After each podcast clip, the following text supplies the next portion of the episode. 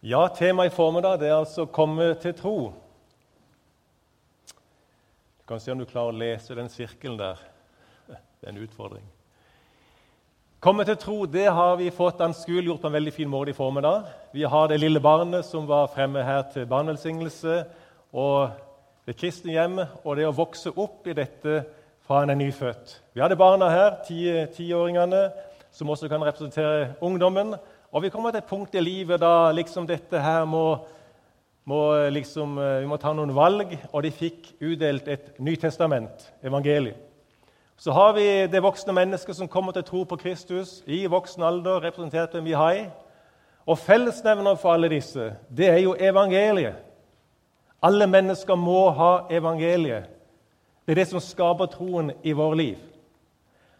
Evangeliet er Guds kraft til frelse for hver den som tror, står det. Så kommer da troen av det budskapet en hører, og budskapet kommer av Kristi ord. Hva er det helt nødvendige som et menneske må få på plass mens det lever? Det er mange ting vi må, liksom, men det er én ting vi må få på plass. Ja, det Med ståsted i Bibelen så vil vi si at ja, men det er troen på Jesus Kristus. Det bare må på plass. Det må ikke glippe for noe menneske. Det som vi kaller for Den lille Bibelen, summerer jo dette og sier for så høyt har Gud elsket verden, at han ga sin sønn, den enbårne, for at hver den som tror på ham, ikke skal gå fortapt, men av evig liv. Og Jesus sier at dette er det evige liv at de kjenner deg, den eneste sanne Gud, og ham du har sendt, Jesus Kristus. Det å komme til tro, det å komme inn i en levende relasjon med den levende Kristus. Biskop Per Arne Dahl sier at han ønsker som biskop å gjøre Jesus kjent, trodd, tilbedt og etterfulgt. Gjør Jesus kjent, trodd, tilbedt og etterfulgt.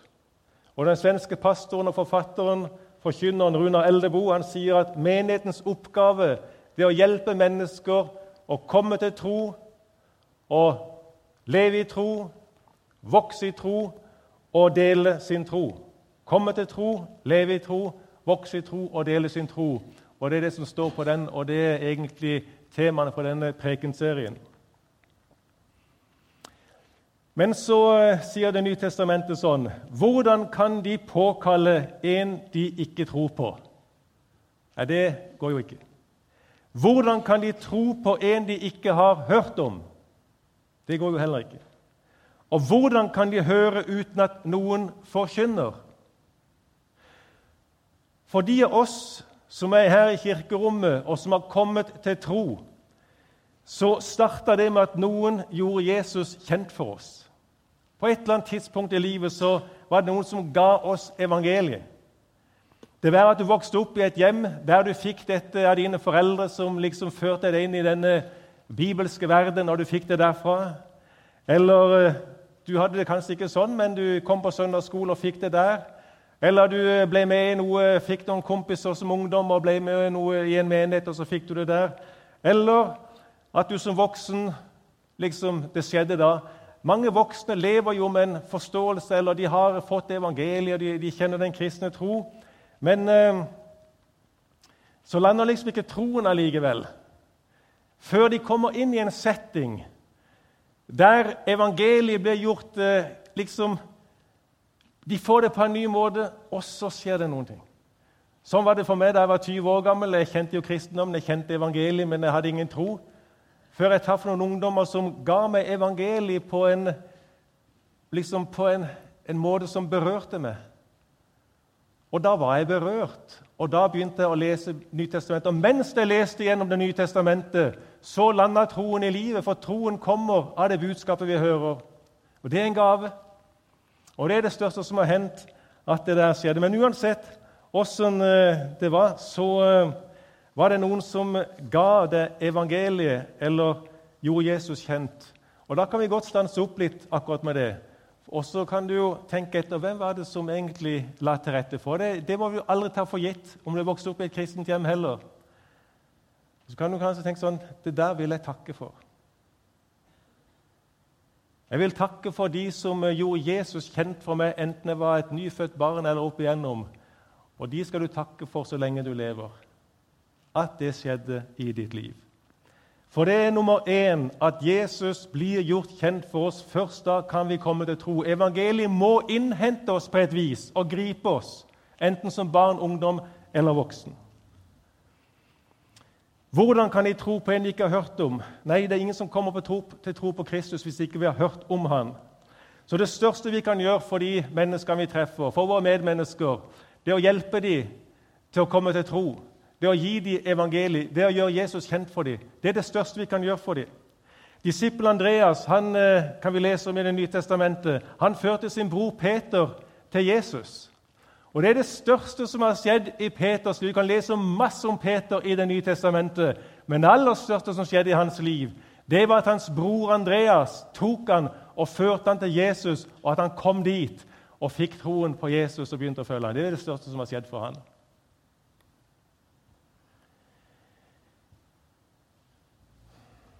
Det er det aller største vi kan gjøre for våre medmennesker. Dette er det evige liv, å kjenne Jesus Kristus. Hva er det største vi kan gjøre for Jesus? Ja, Det største vi kan gjøre for han, det er å gjøre han kjent for mennesker, så de kan komme til tro på ham. For vi leser i Bibelen at, at vi er skapt av han, og vi er skapt til han. Derfor er det største vi kan gjøre, det å føre mennesker tilbake til han, de han har skapt. Og Det er det største vi kan gjøre for ham, fordi han elsker jo hvert menneske. Så ut av Gud elsket verden. Kristus elsker hvert menneske. Han døde ikke bare for alle mennesker, men han døde for hvert eneste menneske. Hver og en. Så høyt elsker han mennesket. Jesus ber for sine disipler, og så sender han dem ut i verden. Kan vi lese om Johannes 17.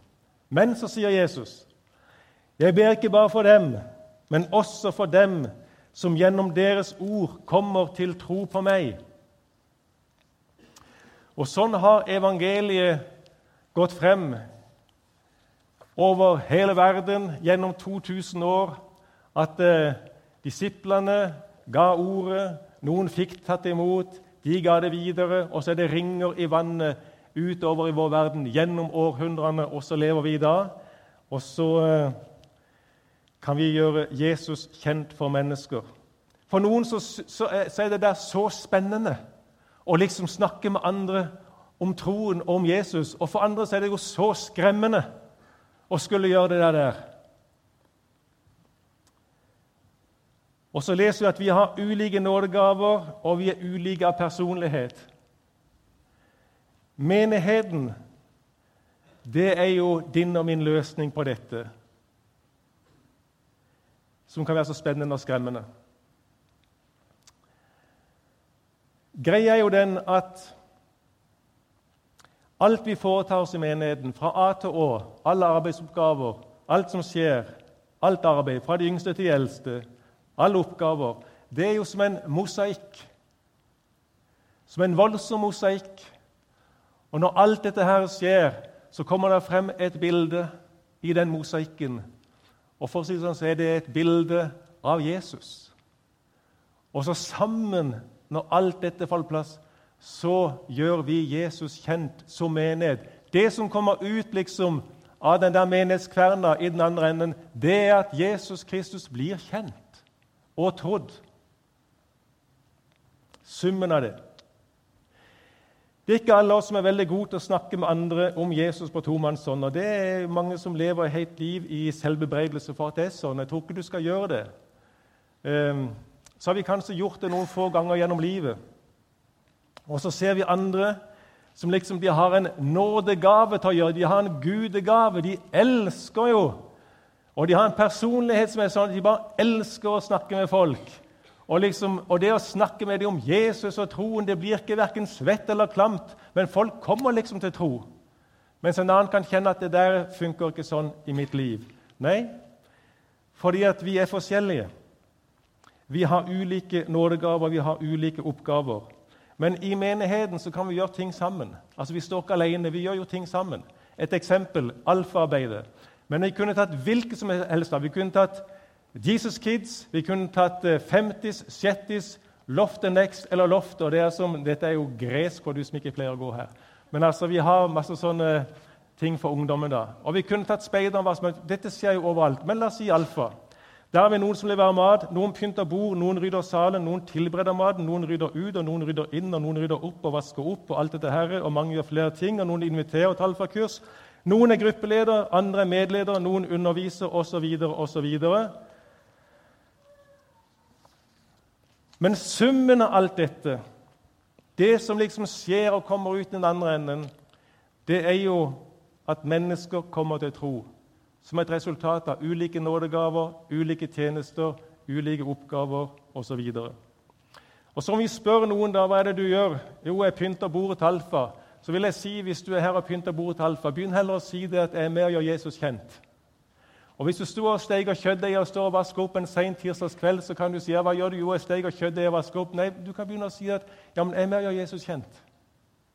Etter, eh, noe som sikkert dere har hørt, jeg kan ikke helt gjenta, men det var en kar som en byggherre som bygde en katedral. Jeg husker ikke hvilken katedral det var, men kanskje noen av dere husker det.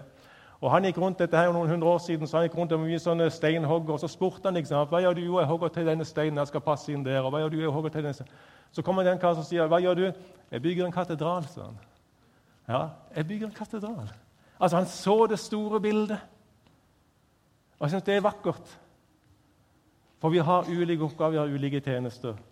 Vi bygger en katedral. Ja, vi gjør Jesus kjent sammen. Så se ikke smått på din tjeneste. Det er det jeg vil si. Det har du ingen grunn til. Og Har du lyst til å gjøre mer, så er det mulighet for det også. Men vi tjener med den styrke og med de gaver vi har, og det er forskjellig.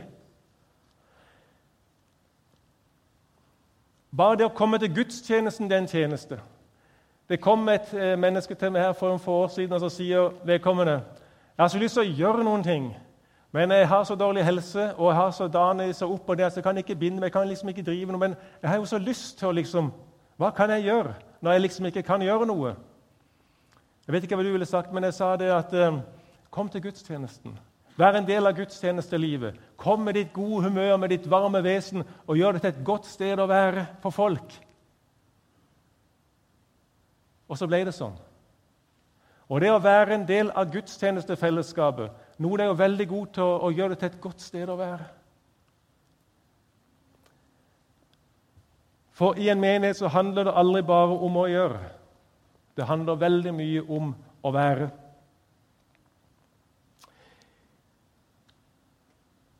Og Vi har ikke samme kraft hele livet, og vi har ikke samme styrke hele livet, vi har ikke samme helse hele livet. Men vi kan gjøre det til et godt sted å være. Akkurat som du kan gjøre hjemmet ditt til et godt sted å være. Jobben din til et godt sted å være. Der er barneledere her som klarer å gjøre liksom de der aktivitetene her til det beste stedet for barn å være liksom gjennom hele uka. Og det er jo ikke dårlig. Noen er veldig gode til å liksom eh, spre varme og hygge osv. Det handler mye om det. Den utstrålingen du har, den vennlighet du har, den varme. Så ikke se smått og tenk smått om din plass og tjeneste i menigheten. Det er det jeg vil si. Det viser seg det Når det gjelder det å komme til tro, så er det jo veldig mange mennesker som når vi er vokst opp i dag, så har vi liksom hørt om kristendommen og kjenner evangeliet osv. Og, og det som eh, viser seg, det er at når mennesker kommer inn i en forsamling eller treffer en gruppe og opplever vennlighet og blir tatt imot, så fører det gjerne til at de kommer til tro. Det er blitt forska på det, at sånn er det. De har evangeliet, men de mangler liksom et sted å lande livet sitt i troen. Og så ser de etter de nådefulle menneskene, de velvillige menneskene, de ikke eh, bebreidende menneskene, de ikke-fordømmende menneskene, men de ser at det er varme, eh, nådefulle mennesker. Så når de finner det, så kjenner de her kan jeg lande mitt liv. Og så kommer de gjennom til en levende tro. Det viser seg. De som jobber med dette, ser dette. Men sånn er det for oss alle sammen at eh, ofte så søker vi jo nettopp til de imøtekommende, velvillige, nådefulle menneskene, for det er så godt for oss å treffe dem. Det er ikke annerledes. Men uansett det vi snakker om, så handler det i alle fall om å høre evangeliet og del i evangeliet. Troen kommer av det budskapet vi hører. Gjennom de 19 årene vi har kjørt alfakurs her i kirka, så har jeg snakka med veldig mange voksne som, som sier at vi kom på alfakurs fordi vi ønsker å få en tro. De ønsker det, de sier det rett ut. 'Jeg ønsker å tro, men jeg syns det er vanskelig å tro.' Og det er jo klart Når det er 40, 50 og 60 år, så har en en etablert livsanskuelse. Vi har en tenkning om tingene, liksom. Så sier de det at 'Jeg vil gjerne tro, men jeg må forstå det først.' Alt dette med Gud og Jesus og himmelen og troen, jeg må, klare, jeg må forstå det først. så skal jeg liksom, Da sier jeg rett ut til dem at det vil aldri skje. Du vil aldri forstå det først. Bibelen sier at troen kommer først. Ved troen forstår vi. Liksom, Det begynner med det. Og så handler jo det om å liksom få høre evangeliet der, og liksom få det der inn kanskje på, på en ny måte. For troen kommer av budskapet. Evangeliet er Guds kraft til. Og så er det der og så går noen ut av liksom, allikevel alfakurset og opplever at nå landa det. Og noen andre er i en prosess. Men nøkkelen som kan løse trosknuter for oss alle sammen, det er å la evangeliet tale til oss. Så oppstår der en tro ut ifra det. Hva er dette evangeliets innhold? Hva er det vi tror på? Ja, Innholdet i evangeliet i vår tro, det er Jesus Kristus. det. Han er evangeliet, og det er han vi tror på. Ja, men Inneholder ikke den kristne tro mye mer? Jo, det er veldig mange fasetter i den diamanten som blir den kristne tro. Men eh, først og fremst er det troen på Jesus Kristus, Guds sønn, verdens frelser. Det han vi tror på. Når Paulus skriver til menigheten i Korint, så sier han at først og fremst overga til dere det jeg selv har tatt imot. Altså Det var en overlevering. Det var noe som liksom Dette inneholder den kristne tro. Dette er essensen i det. Og så skriver han at Kristus døde for våre synder etter Skriftene, at han ble begravet, at han sto opp den tredje dagen etter Skriftene, og at han viste seg for Kefas, altså Peters, og deretter for de tolv. Altså at han lever. Han døde, han ble begravd, han sto opp, og han lever. Det er det vi tror på. Ikke bare tror vi på det, men vi kjenner det at eh, vi lever av det, og vi lever for det, og vi lever på det, og vi kan dø på det. Vi kan dø på troen på Jesus Kristus. Det bekrefter Guds ord. Derfor må alle mennesker ha evangeliet. Litt mer om hva evangeliet inneholder. Og eh, Jeg tror vi har delt det før her, men vi kan godt dele det om igjen. For det er veldig flott. For noen år siden var det en eh, pinsepastor, en gammel pinsepastor som heter doktor Han heter, ikke doktor, da, men han uh, var visst doktor. Sikkert en enkel doktorgrad. Doktor Lockridge han ble sett blant tilhørerne på en konferanse. og Så sier de kan ikke du komme opp og så be en bønn. Og så gjør han det. Og Så ber han en bønn som egentlig er en litt underlig bønn. Det er en bønn, det er en lovprisning, det er en beskrivelse av Jesus og det er en dialog med salen samtidig. Og dette var han sa i denne konferansen. Denne ligger på YouTube også, så du kan jo ta den frem der. Han sier sånn Bibelen sier at Jesus er min konge. Han er jødenes konge, rettferdighetens konge, tidsaldrenes konge. Himmelens og herlighetens konge, kongenes konge og herrenes herre. Det er min konge. Jeg lurer på, kjenner du ham? Min Jesus er enestående, hans kjærlighet er grenseløs, hans rikdom er uendelig. Hans velsignelse tar aldri slutt. Hans nåde er utømmelig, hans styrke avtar ikke, hans kraft når alle steder. I sin godhet gjør han ikke forskjell på folk. Kjenner du han? Han er det største fenomen som har vandret på jord. Han er Guds sønn. Han er synderes frelse. Han er sivilisasjonens midtpunkt. Det er ingen over ham og ingen ved siden av han. Han er unik og uten paralleller. Han er litteraturens ypperste idé, han er filosofiens største personlighet. Han er liberalteologiens største problem, han er hjørnesteinen i bibelsk teologi. Han er hjerteslaget i levende kristendom. Han er tidsaldrenes mirakel. Ja, han er kvintessens, altså det beste av alt som er godt. Bare han kunne være verdens frelser. Jeg lurer på om du kjenner ham i dag. Han gir styrke til de svake, han hjelper dem som er i prøvelser. Han letter byrden når du er trøtt, han styrker og opprettholder. Han vokter og leder, han helbreder syke, han renser spedalsk, han tilgir syndere. Han setter fanger fri, han forsvarer de fattige, han velsigner de unge. Han støtter de eldre. Han løfter opp de nedbøyede. Ja, slik er min konge. Han er nøkkelen til kunnskap, han er kilden til visdom, han er døren til utfrielse, han er stien til fred, han er veien til rettferdighet og hellighet, han er porten til herligheten. Kjenner du ham? Hans tjeneste er så mangfoldig. Hans liv er uten sidestykke. Hans løfter kan du stole på. Hans godhet er ingen grenser. Hans miskunn varer evig. Hans kjærlighet forandrer seg aldri. Hans ord er mer enn nok. Hans nåde er tilstrekkelig. Hans styre er rettferdig. Hans åk er godt, hans byrde er lett. Jeg skulle ønske jeg kunne beskrive ham for dere, men han er ubeskrivelig. Han er jo Gud. Aldri kan vi forstå ham fullt ut. Du kan ikke få han ut av hodet ditt. Du kan ikke holde han under livet ditt. Du vil ikke leve lenger enn han, og du kan ikke leve uten ham. Fariseerne likte ham ikke, men kunne ikke stoppe ham. Pilatus fant ingen feil ved ham. Vitnene mot ham ble aldri enige. Herodes kunne ikke ta livet av ham. Døden visste ikke hva den skulle gjøre med ham.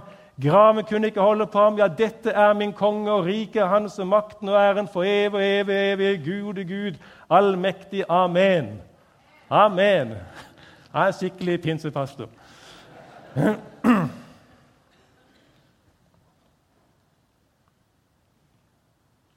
Ja.